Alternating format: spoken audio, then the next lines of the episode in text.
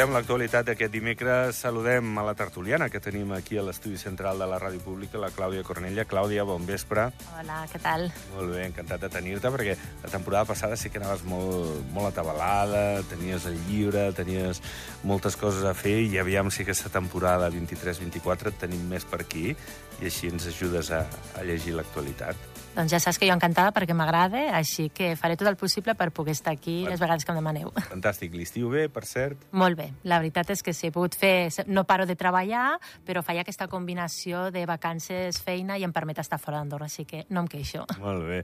Aquí tenim a l'altra banda del fil telefònic, és un home ja jubilat, encara que no ho sembli, per, per l'aspecte físic que té, sempre tan bo. Antoni Miralles, bon vespre. Bon vespre, com estem tots? Bé, tu tens més temps, eh?, que la Clàudia i que un una, servidor. Sí. Jo, jo, jo una mica més de temps, sí, Sí, una sí. mica més. Però bueno, ja l'aprofites, eh?, que també ets un cul inquiet, eh?, com es diu, i... Sí, sí. i No, sempre no, tens- no hi ha que parar. Sí, no, no, hi ha no, que parar, Jordi. bé. Tu ja saps que un, un, un home com jo que està sempre actiu, sempre fem, sempre tenim un, una llista de coses per fer. Sí, sí, ben fet que feu. Escolteu, eh, bé, les discrepàncies sobre l'acord d'associació en Brussel·les estan sobre la taula.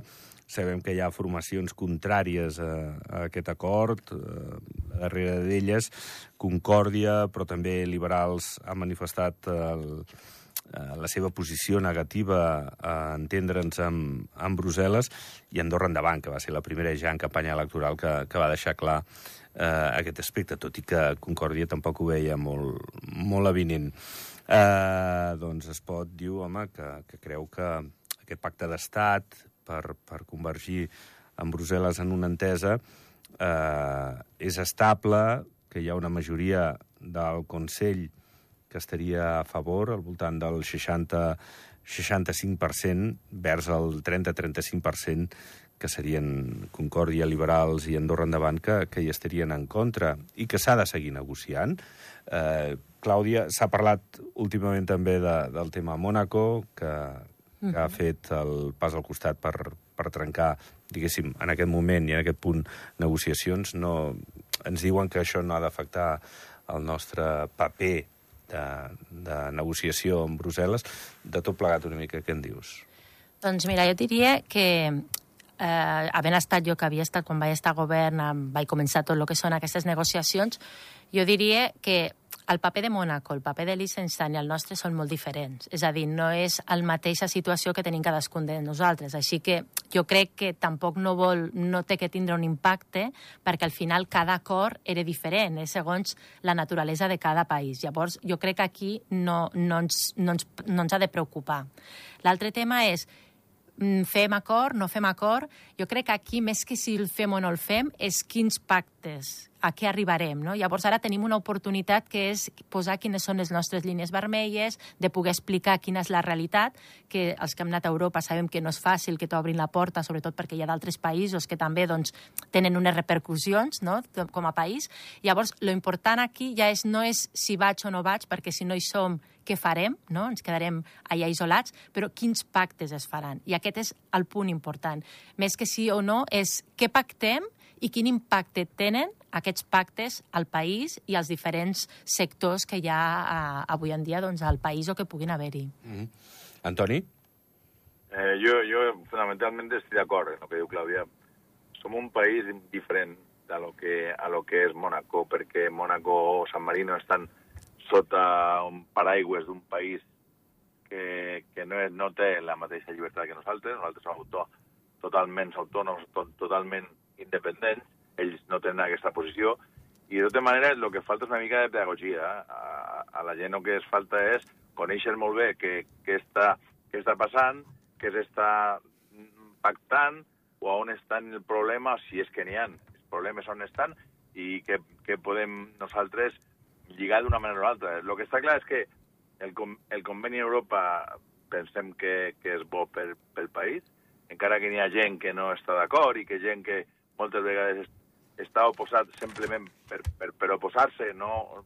Perquè el, que, el govern que mana ha dit una cosa i jo pues, estic en contra per guanyar una posició de, i votants. Però jo, el, el, el, la visió de, de, del futur, jo penso que l'associació. Ara n'hi ha que pactar, n'hi ha que defensar la nostra, i d'altre costat, explicar molt bé a la, als ciutadans el que estan fent, com s'està fent, i per què es prenen un acord o un altre si és que és, si és que es pot comptar, perquè en negociacions moltes vegades no pots dir tot o no pots contar tot fins que no està tancat, perquè és un nucle de, de negociació. Però jo penso que, que, que ara és el moment de, de, de fer un pacte d'estat, de tirar endavant i al final pues, mm, arribar a un acord el més favorable, possible pel país. Molt bé. Sí, sí. Uh, de tota manera, Clàudia, uh, una negativa d'Andorra uh, aquest acord, perquè les línies vermelles doncs, fossin insalvables, uh, bueno, ens deixaria en mal lloc, tu creus, davant Brussel·les? Depèn de com es, com es negociï, perquè quan hem negociat amb Europa, si tu expliques el per què, el per a què necessites allò també té una explicació. Imagina't que és el tema, si deixem lliure circulació, que vingui tothom aquí, què passa amb els hospitals, què passa amb el país, perquè, clar, a la millor no tens la mateixa capacitat. Què passa amb l'habitatge, què passa... Llavors, a la millor el que s'ha de fer és dir, bueno, això a la millor hi hauré d'arribar d'aquí X temps, fer un estudi de quan es podria fer i fer línies vermelles d'aquest tipus, de dir, doncs potser un dia hauré d'arribar o potser no faig això, però a canvi puc fer doncs, un altre dels punts que hi hauria dintre, no? o a la millor doncs, ampliar doncs, la capacitat de les persones que puguin venir a treballar aquí, que no hi hagi tant que no siguin xifres tan tancades, però s'ha d'estudiar tot això. I també, com deia el meu company, hi ha coses que no es poden explicar perquè si les dius, llavors ja estàs avançant a la negociació, perquè és important que tinguis aquests punts. Però sí que és veritat que hi ha coses que si són línia vermella també a Europa li interessa que hi hagi un acord amb, amb Andorra. També volen. No, ens, no els agrada que estiguem allà al mig també sense cap acord, però també hem de veure què passa no? no és només amb aquests punts, sinó què passa si no entrem a dintre. Què passa no? I, això, I aquí estic d'acord amb el tema de comunicació. No és tant el que estem pactant, es poden dir quines són les línies vermelles, tots els coneixem, però és què passa si no estem a dins. Aquí hi ha, hi ha un tema, Clàudia, que igual és complementari amb aquesta pedagogia de la que estem parlant, parlant i de comunicar al ciutadà el què, perquè a més hi haurà un referèndum i el ciutadà ha de saber en quins termes eh, es va votar sí o no a Europa, sinó que hi ha la qüestió d'aquests estudis d'impacte. No? Eh, és cert que ara es va contra rellotge i que es vol aprofitar la presidència de torn d'Espanya, eh, jo crec que si tu li demanes al ciutadà estarien bé aquests estudis d'impacte per tenir més informació, jo crec que et dirien que sí. Llavors, aquí igual és eh, on el govern ha de fer un sobreesforç per comunicar, per explicar, eh, i no té aquestes dades que potser són més objectives pel ciutadà és que és molt important, perquè el tema és que pots comunicar, però clar, la gent, jo me'n recordo quan estava a govern, les coses que tu parles al dia a dia són naturals, ja són normals per tu, però clar, quan has d'explicar al ciutadà, això és diferent, i perquè no es polititzi, perquè no sigui soc d'un partit, soc d'un altre, o ai, mira què diuen, que a la millor pues, m'és més fàcil perquè la por, o... No, és una mica d'explicar. Jo no dic que no hi hagi coses que han de dir, ojo, perquè si fem això pot ser perjudicial, sí, però hem d'explicar també el, el i o i sí, vull dir, no és només sí o no, sinó amb tots els diferents punts que pot haver-hi a dintre. Antoni. Uh, jo penso que està, estem també una mica assustats de lo que passa, de, de, de, la, de no saber i de què pot passar per lo que no sabem. Però si som un, som un país que des del punt de vista d'atractiu per la força de treball estem perdent dia a dia aquest atractiu. És a dir, aquí el problema que tenim és que arriben els metges i el problema que tenim és que arribi la gent a treballar i el problema que tenim és que no tenim gent per, per l'hostaleria ni per les pistes i vol dir que si obrim més eh, als, als europeus, doncs en, en aquesta posició estarem molt semblant al que estem avui. Però, però sí, no, no, no, no hi ha que tenir, tenir por. És a dir, nosaltres tenim que ser un mercat competitiu des del punt de vista laboral i tenen que ser un, un, un mercat competitiu del punt de vista d'activitat econòmica.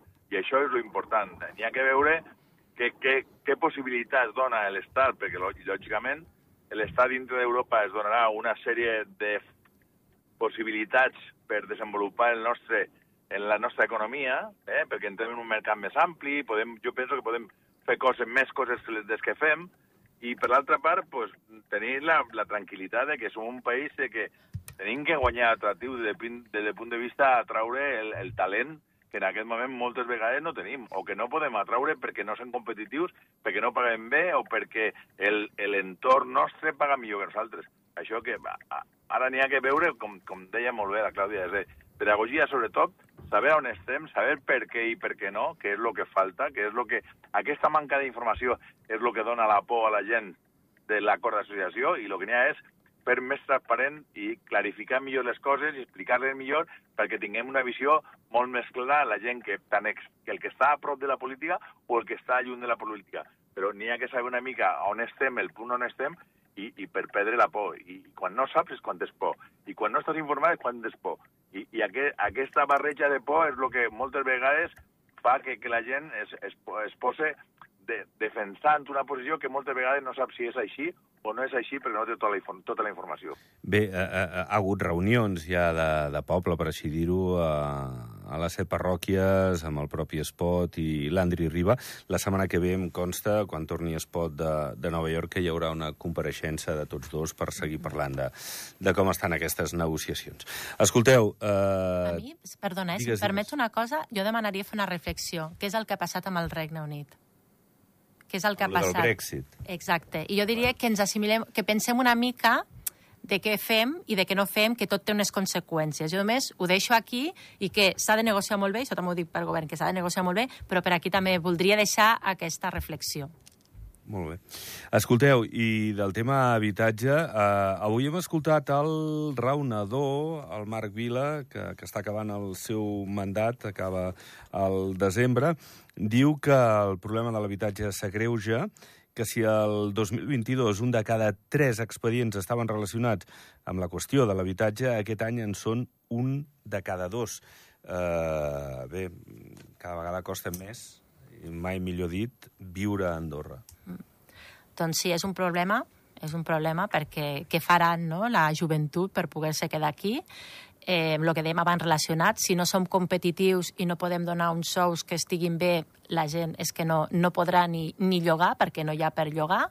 I una altra també és la quantitat de, d'edificis, no? de, de construcció que s'està fent. No? Jo dic que hi ha les dues coses que em preocupen, que es construeixi tant i l'altra és que els preus que s'estan que s'estan posant i lo difícil que s'està trobant a, al lloguer. No? I és, és un dels punts que a mi podria dir que encara em preocupa més això que igual l'acord d'associació, perquè això és una cosa que sí que la tenim aquí de primera mà, és un tema que fa molts anys que està sobre la taula, però no s'ha trobat encara la manera. Antoni, estem en aquesta espiral de la qual no ens en sortim, malgrat els esforços que fa el govern, eh, però, però bé, de difícil solució i sobretot ràpida. El problema és que no, no, no tenim temps. El problema és que eh, la solució de la vivenda no és arribar i fer-ho. Bueno, la solució de la vivenda és preparar-ho i preparar-lo en temps i planificar-ho i, i tot això entre que es pensa, es fa, es posa en marxa, es construeix i donem una solució, una resposta de vivenda pública o vivenda de lloguer d'alguna manera assequible, pues molt, tardem molt de temps. Ara s'ha fet una posició, una, una, una, una posició de govern de, de plantar i de que no deixen comprar més pisos de, de la gent que de fora i que i, i fer, fer un límit al final per, per afavorir la, la, la baixada de preus, però estem en una economia lliure, és a dir, l'oportunitat de, del propietari, constructor, promotor per guanyar diner en aquest moment, pues, pues és, és el que és. I en un mercat lliure com el nostre, pues, patim tots, segur. Ah, llavors, si no, si no sabem fer-ho bé des del punt de vista de, de govern o el, eh, de l'oferta de vivendes públiques o, o pseudopúbliques d'alguna manera que tinguin possibilitat de marcar un lloguer assequible, pues continuarem en dificultats, claro, y en, en un show que està a nivell d'Espanya, pues claro, és que estan, estem pagant un show d'una caixera de supermercat de, de Barcelona, eh, de la zona vol dir, d'un poble de Barcelona i, i pisos a l'altura de Madrid del millor, del millor puesto de Madrid o del millor puesto de Barcelona, i això és molt complicat. Mm -hmm. però, però, però el camí és aquest, no n'hi ha que deixar-ho, no n'hi ha, no ha que parar, no n'hi ha que dir no, és que tardem, no, no. Apres, de pressa, fem, fem-ho bé i, i, i estem totes les, totes les administracions que es posen de camí. Ara està fent també el Comú d'Andorra està fent coses, el govern també està fent coses, doncs n'hi ha que anar una mica més a pressa que el que estem fent. I donar una mica més de prioritat perquè això és un tema que condicionarà el desenvolupament dels negocis d'Andorra perquè tindrem que pagar més sou, això està clar, i per altra part veure com, com lliguem aquest sou que té que cobrar el personal que treballa a Andorra en, en, vivi, en viure a Andorra, incluïda la vivenda. Mm -hmm. I a no perdre competitivitat, perquè és el que ah. diu l'Antoni, vull dir que si no tenim mà d'obra qualificada perquè no la podem pagar, ve el que ve, i estem escoltant casos, per exemple, dels habitatges caríssims, sí. bé, caríssims, el preu que tenen, ja, ja no hi entro tant en això, però que millor no estan ben acabats.